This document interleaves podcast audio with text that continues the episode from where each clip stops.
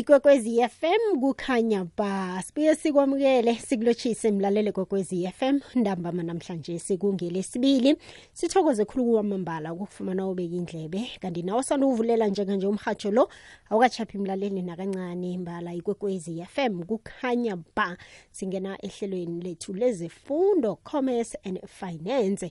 Sisokeke ukusuka njenganje mlaleli kuzabe kubethe isimbi yechumi sikhulumisana nawe-ke mlalele kokwezi FM namhlanje sike sizokutshetsha indaba yelemuko eh lokufunda ukusebenzisa imali. Yikho zabe sikutshejileko mlaleli ngoba kaningi imali eh siyayifumana kodwana ke kokuqeda nje ilwazi lokubana kumele sisebenzise njani eh sigcine mhlambe ke sele isiphunyuhe ezandleni. Iye uzwe kwesinye isikhathi umuntu athi-ke bengiphethe imali engaka kodwana ngazi bona ngenzeni ngayo. Kuthoga ihlelo lezimali lokho mlaleli kokwezi FM njeke ukuzwa konke lokho simeme isithekeli sethu la sisemtatweni usesara ubuyile mashiyane ovela kwa BSM Solutions. Nguye ke oza sihlathululela siphandlulule asifundise ngayo i-personal financial education. Kuthi kuhle kuhle iyini? Hlala ubeka indlebe emlalele kokwezi FM ngokuhamba kwesikhathi-ke siza kuphithuba-ke nawe nangabe unombono nanyana umbuzo usidosela umtato enomborweni ethi 086 0003278 ngiyayibuyelela inomboro yethu yomtato ithi 086 000 3278 ngephimbo mkatangiso usithola ku-079 413 2172 079 413 2172 inomboro yethu yephimbo mkatangiso sesara ngiyakwamukela ngiyakulotshisa emhashweni kwekwezi FM Eche em TK ngiyathokoza ukungabukela eh enyakeni omutsha and ngithanda ukuthi ngikubonge kakhulu. Kuthokoza mina-ke sesibuyi nathi sithokoze isikhathi sakho. Ngiyacabanga ukuthi mhlambe ngalesi sikhathi-ke be mhlambe ulele wavuka or nanyana bosabhincela ukulala kodwana waziphi isikhathi sokuthi uzoba nathi ehlelweni lezifundo uzokhuluma nomlaleli? Siyakuthokozela lokho. Akuthokoza mina futhi Mhm. Sesibuye namhlanje sike sicale nasi indaba ye-personal financial education. Nasihlathululako ke sithi ke eh indaba yokuchecha eh ilemuko lokufundisa ngokusebenzisa imali. Ake sihlathulule sesibuye ukuthi kuhle kuhle yini personal financial education sikhuluma ngani? Kanti kose siye esikolweni senzeni? Yini personal le? ngiyathokoza ngithokoza kakhulu um i-personal financial education ngicabanga ukuthi iyasichaza eh ukufunda ukumanage imali or ingeno le mali oyitholako either every month or nge-fortnight. Abanye bahola ngeveke. Eh imali oyitholako ikuphilisako ngokufunda ukuthi uyimanage njani. And awuyele esikolweni leyo ngoba omunye nomunye ufanele abe naleso skill. Eh njengoba sithi masikhuluma sithi thina i-education system yethu ya ngeke ngithi yasifeyila mara ya yangaqali into ezi ezi-most important empilweni ezifana nokuthi basifundise ukuthi imali uma uphethe iranda ungayikhulisa njani or uma uphethe i-ten rand esikhwameni ungayikhulisa njani and if uyayiluza imali leyo uchubeka njani kuya phambili. Ama-most basic um points ngiyo i-education system yethu iwalahlako and akusikula e-south africa kuphela. Yenzakala nalapha kubo-america umhlaba wonke eh kuwama-country la amaningi ayi-two or three ama-countries athatha i-financial education ayibekala phambili. So i-personal financial education i-education osifundisa yona ukuthi noma ngikhola imali engangani ngifunda kanjani ukuthi ngibe ngikwazi ukuyibudget imali leyo? Ngiyakuzwa. Kanti ngiziphi-ke iy'nqundo okumele ngizihlele qobe nyaka or nanyana cobe nyanga ekutheni-ke imali engenileko ngiyisebenzise njani? Eh kufanele ukwazi ukuthi bathi ngegama lesiyeni kunento esiyibiza ukuthi first things first. Mm. kufanele uzifundise ukuthi eh yini into ebalulekile eh njengomuntu ukuthi i-survival yami ukuthi ngikwazi ukufunctiona yini into ebalulekile into engayikhuluma ukuthi into ezibasic ezifana nabo shelter nokudla i-education yabantwana. If abantwana bakhona and then ne-transportation ukuthi wena ukwazi ukuthi ufikelele emsebenzini mm. so um phezu kwebudget yakho yoke leyo kufanele ukhavare ama-basics futhi noma uchoda uchote ngento engekhe zikuhluphe or zikuhlukumeze emoyeni or zikusize ukuthi ukwazi ukufunctiona so you could work on getting better things in life so uma ufanele i-priority yakho kufanele kushelter iyekudleni i-education iye naku-transport both yabantwana niyakho then okunye lokhu uzalandela manje-ke sesibuye sibafundisa nini begodi njani abantu bethu ukuthi-ke mhlambe-ke imali ayidlali iyabulungwa? Abantwana eh umqondo womntwana uthoma ukugraspa from the age of two.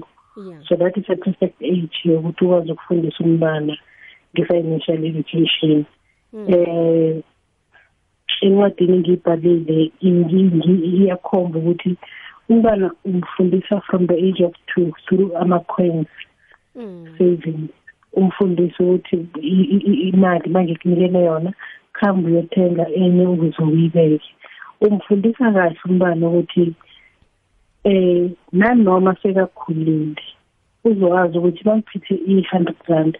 Kufanele kuphuma le ngiyayiseva out of i-hundred rand lena. If ngiphethe i-thousand rand kufanele kusho ukuthi kuba i-culture kuye. Umfundisa le culture yama-savings asesemncane through ama-coins. And umntwana makasebeka ama-coins bengicela ukuthi ungatshela umntwana ukuthi hey ngiyi-investor umntwana akazwisisi language leyo. Hey yongena ku-education fund yakho akafuni ukwazi next umntwana ngalokho. Mm. yekela umntwana akuhambe ayosithengela ama-toys ngemali ayibekile abone umvuzo webandla yakhe. mm-hmm. exactly. Kusiza um ngalesi sikhathi or ma-birthday yakhe or yenza ngo-december mm. akusikwe the piggy bank. Umzali asihlupha athenge i-piggy bank. Unayo umsize nawe. And umbonise ukuthi ma uthatha i-effort nami ngizokuthi ngizokusiza uyabona? Umntwana uzojwayela ukuthi no wena ngithatha i-effort nami ngizojwayela ngizoyenza uthi nanoma ngekho uyenze ukuthi igcwale msinyanyana.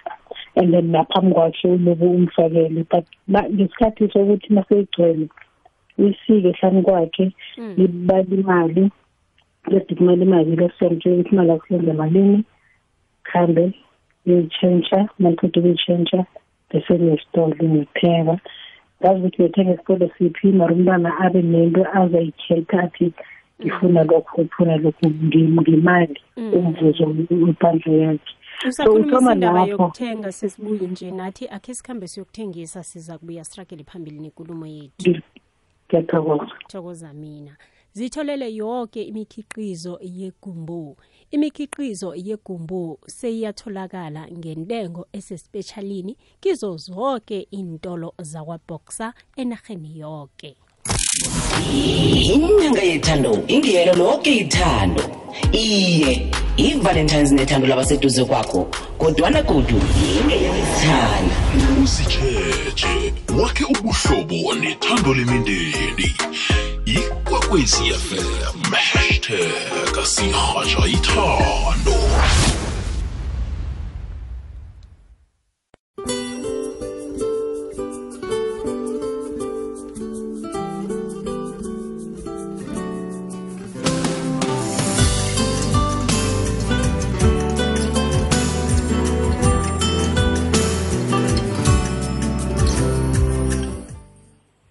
sibuyile ngentolo mlaleli kokwez fm siragela phambili nehlelo lethu lezefundo commerce and finance ihlelo lezemali. Mlaleli kokwez fm nosanduvulela umhatsho siyakwamukela siyakulotshisa sithokoza kakhulu ukukhetha thina ngalesi sikhathi sobusuku. Namhlanje sike mlaleli sikhuluma nge-personal financial education sikhambisana nosara ubuyile mashiyane ovela lapha-ke kwa-bsm solutions. Nguye-ke mlaleli osipha ihlathululo ngendaba esiphethe kule asikuvaleli ngaphandle-ke nawe mlaleli kokwezi FM ungathoma njenganje usidosele. Ngiyayivula-ke imtato enomborweni ethi 086 000 3278 inomboro idoselako leyo ithi 086 000 3278 ye-whatsapp ilula hle nayo ithi 079 413 2172 ngiyayibuyelela 079 413 2172 inomboro ye-whatsapp. La ugadangisa khona iphimbo lakho mlaleli ube nombuzo nanyana umbono. Endabeni-ke esiyitshejileko namhlanje si la sitsheje khona-ke ilemuko lokufundisa ngokusebenzisa imali. Unalo na ilemuko mlaleli eh ozifundise lona ozijayeze lona lokusebenzisa imali na? Nanyana ke nawe unomraro wokuthi ke imali nayihlogako ku-akhawunti yakho lizalithi chinga kuzabe kungasenalitho bowumangale ukuthi kanti ngoba uholile iyephi imali leyo izactive ke iphela uzabe sowubala godi ukuthi inyanga iphela nini ngikwazi ukuthola enye imali. Uthi uyacala abe alikho eh ilitho olenzileko uthi uyacala. Inkoloto solo ezinye zikabhadeleki kwenzakaleni kanti mlaleli kokwez FM konakelephi khulumisana nathi usidosele uveze umbono wakho uveze amazizo wakho. Nangabe mraro okhe waqalana nawo njenganje uphumile kiwo uphume njani? Asinikele omunye umlaleli kokwezi FM isiyeleliso simfundise naye ukuthi angenza njani ukuthi-ke leyo imali akhona ukuyithola qobe nyanga leyo imali ayithola nge-fortnight nanyana ngeveke angayisebenzisa njani ukuthi yongeke kungabonakali ngathi azange khahole nakanye. Njenganje imizuzu ilithumi nakhomba ngaphambi bona kubethe isimbi yethumi sesibuyi ngithokoza khulu usesekhona. Yebo. Ngithokoza kakhulu-ke ukusibambela asiragele phambili-ke sicale ukuthi-ke kuqakatheke kangangani ekutheni mhlambe-ke umndenami wazi ngengeniso yangekhaya nokuthi-ke isebenza njani? Eh utsho ukhuluma mhlambe ine-setup yamakhapoli iye khe sikhulumele kulelo hlangothi eh phezu kwenyanga le yenthandane sitsho ukuthi-ke eh ngakhani mhlambe kuqakatheke kangangani bona-ke umholo na ungenako amahlelo wawo umholo uwaveze ukuthi ajame njani? Kuqakathekile ukuthi wazi ukuthi umuntu wakho uhola malini. But into edabukisa ihliziyo kakhulu ukuthi eh 85 percent yamakhapolo abafuni ukuthi abalingani babo bazi ukuthi bahola malini.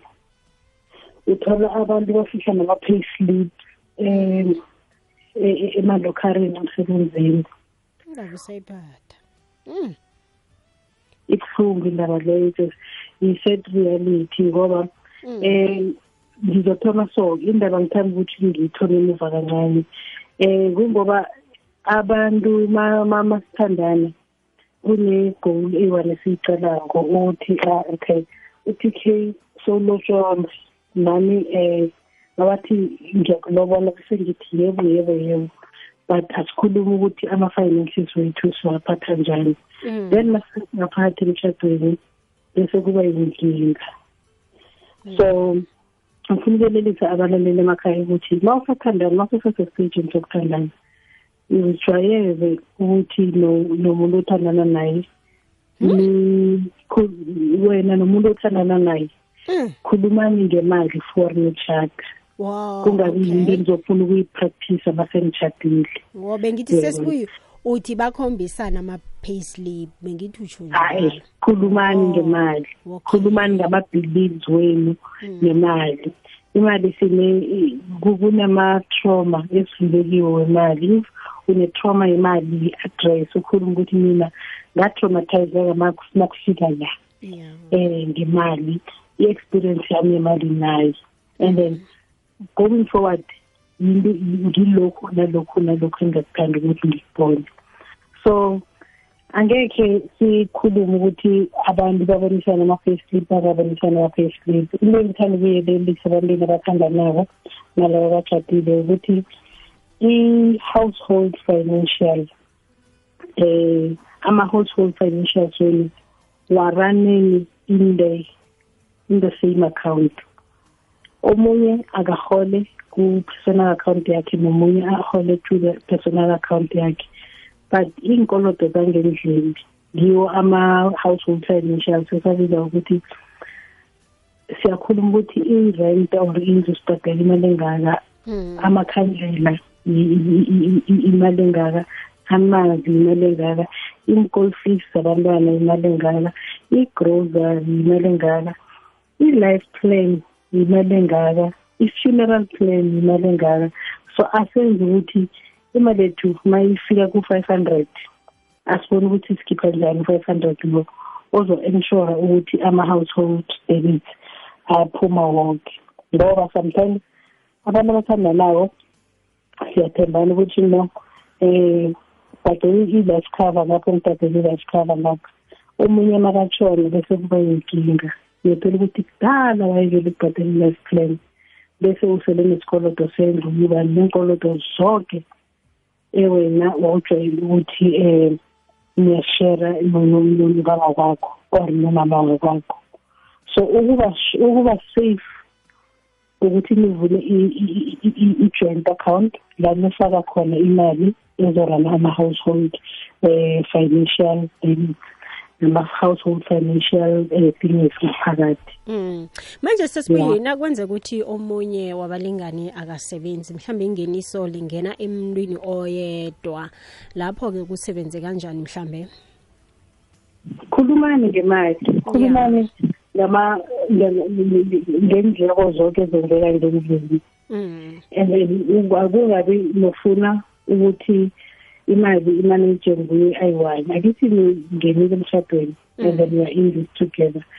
Khulumani abeke imali phasi nicabangela nini niphaneni nama-allowance.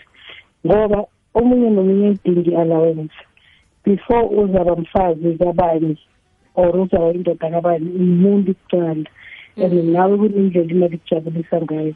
So whatever iyenzako bengicela ukuthi ningadimani ama-allowance.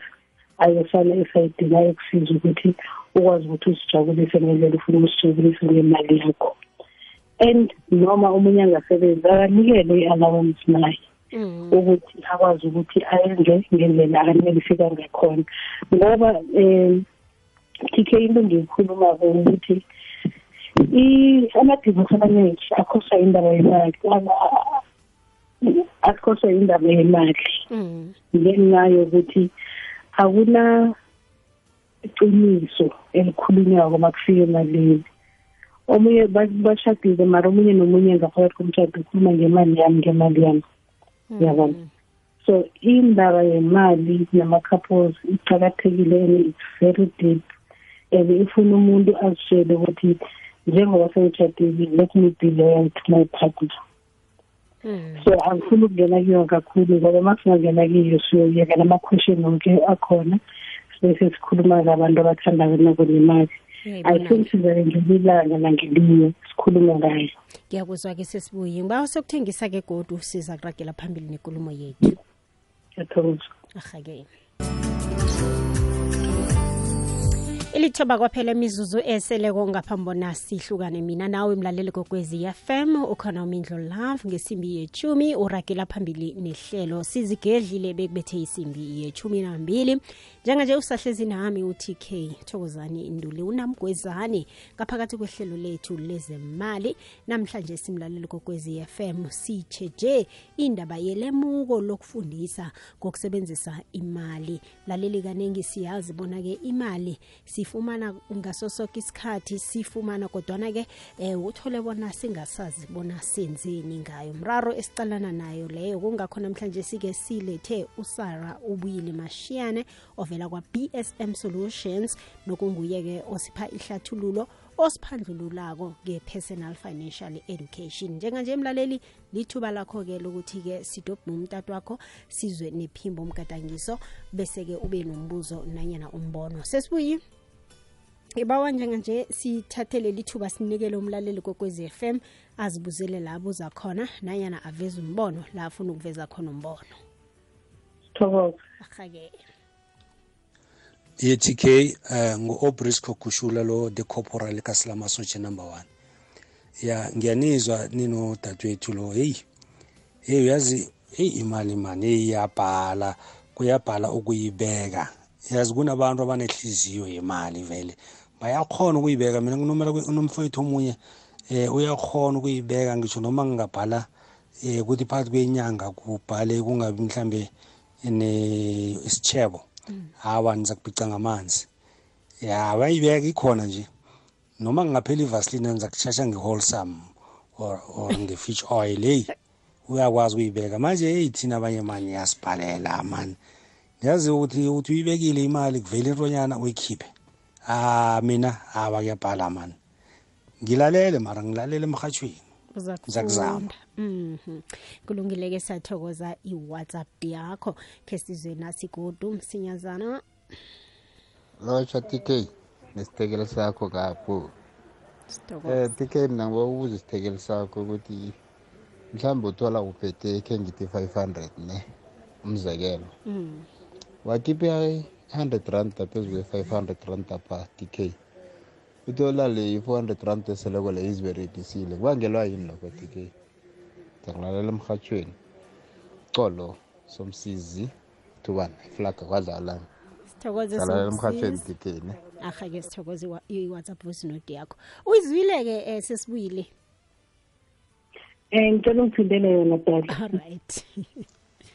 lotsha picture ehleli lezemidlalo linobiziwe lapho. lotsha tk nesithekelo sakho kapho? Eh tk mina ngibakubuza isithekelo sakho ukuthi mhlawumbe uthola uphethe khe ngithi 500 ne umzekelo. Wakhiphe 100 rand phezu kwe-500 rand pa tk uthola le i-400 rand eseleko le iziberegisile kubangelwa yini lokho tk ngiyakulalela emhatshweni basho uyaziberegisa sesibuye usho njalo usomsizi. Nangilalela ngilalela asilalela abanye sisaphendula. Alright ngiyathokoza sesibuye asizwe niyavuka na bengiba ukubuza mina ngendaba ka eh mandla masango lo owayedlalela i-chief wow sincancabeze mlaleli le iladelwe ngiyakabiziwe no-big joe. Eh awande DK nesithekeli sakho. uPhesi Mahlangu eMiddelburg Dam Steve Chwede na waye ningirare nangirara nina nithi basho umrabeka imali abeke yiphi imali South Africa kunje? Ningenzi ngathani bo? Ningenzi ngathanazi asithi nakuhola 7000 uchashile nabantwana bakho.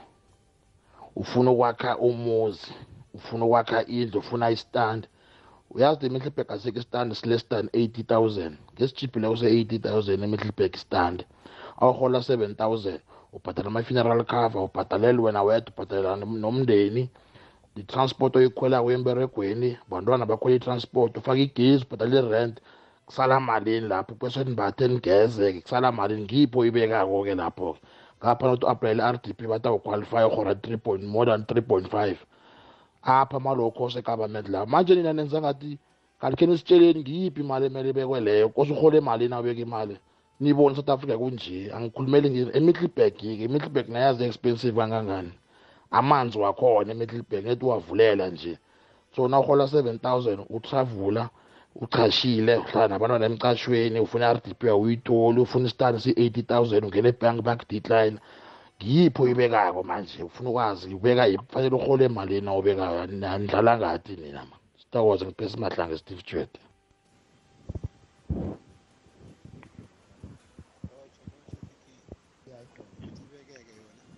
ncancabeze nokho le izwakalela phasi i-voice note. Asikhona ukuyizwa kuhle. Mlaleli nawungakhona nje imzuzwana esisele nayo le lingabona ugadangise godi khe sidobhe umlaleli osemtatweni. Kwekwezi? akwandi. Alright usilahlekile sitopo omunye siyakwamukela kwekwezi yeche okay. akwandi. Kunjani? Siyavuka kunjani mnakwethu hayi imali le lonavike kuhle mvanje ufuna ukuthi hmm. nongubaba ungafika igrosari uthathe imali inikele umakhamba ukuthi uyigrosari zalo ubona usanamalini hmm. Kuba betranyana lapho okay uzwakele siyathokoza. Sikhuluma nobani kuphi nendawo? Um khuluma nomahlangu le embalele iye mahlangu sithokozile sithokoze khulu. Alright ke sesibuye sizokudobha wokugcina-ke bese sihlanganise yoke ikulumo. Ikwekwezi? Hello. Ngiyawamukela mlaleli kunjani? Hello? Alright siyancancabeza nokho umlaleli asikhona umuzwa kuhle sesibuye asiyisonge ngokuqala imibuzo nemibono nje abalaleli abayivezileko um ngiyethoma ngoba kumahlangu steve chwede um bakumahlangu ubonakala njengomuntu oluza ithemba. Um if uluza ithemba impilo yakho izoba ama-outcomes ama-financial outcomes wakho kuyoba ngeyokuluza ithemba ngoba wena uyazibuza ukuthi mase kukuningi kangaka? Ngiyothomaphi wa ukhuluma ngalo westeve chet ngimkhuthaze ukuthi there is always a starting point. Ungathoma ngokubhadela isikoloto esincane mm. uze uze ubhadele isikoloto esinye or if awumanage you can always go for i-consolidation as long as uzothi ma uconsolidate bese uconsolidate na-company mm. Ebhalisiwe ikhampani ngekhe ikuphoxe there is always a way out ongayenza ngoba if ubalabala so um angekhe uze achieve next. Uzobukela abantu basebenza bahona umholo we-four thousand mara umuntu uyakwazi ukuthi abe istina nga-one one abefawile ekugcineni. And then ngibuyele kubhedi lo osende i-voice note ngiyacabanga ukuthi lo bekuyipendulo yalo uphesi. Yakababa mahlangu wase-steve shwede othi um amabhanka ayadecline akusebenzeki umnotho wemali. Umnotho uzohlala uya phasi naphezulu but if if uzimisele ukuthi wena uzokwazi ukuthi usave and u-invest ukuthi imali yakho ikwazi ukuthi kusebenzele then you can never lose imali no matter i-situation ibad kangakanani you can always start somewhere. Kune-starting point in everything noma kuhlangahlangene kangakanani so ngibuyele kubhuti othi yena mhlawumbe makakhiphe i-five hundred usebenzisa hundred enye enye imali uyasebenzisa yena akazi ukuthi iphuma njani ezandleni. Ngithanda ukuthi ufanele aphole ulimele unamanxeba ama-financial wins eh mhlambe waba netrauma wabukela omunye ekhabo aphila lempilo kwabese uyayigraspa leyo i-habit leyo yemali. And ufanele azifundise ukuba ne-discipline and azifundise ukuba consistent. And kukhomba lokho ukuthi yena akana-financial plan imali ngekho isebenzise uyiphethe.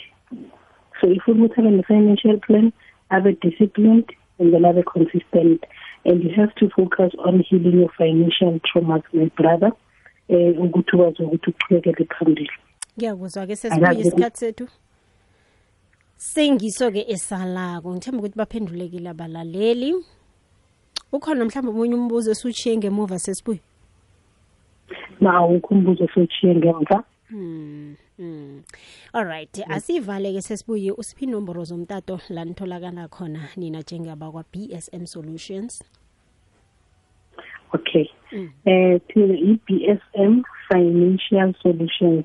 Iye. Eh 078 936 7791 078 936 7791 ofuna ukusibamba nge-email info at bsmfinancialsolutions.co.za.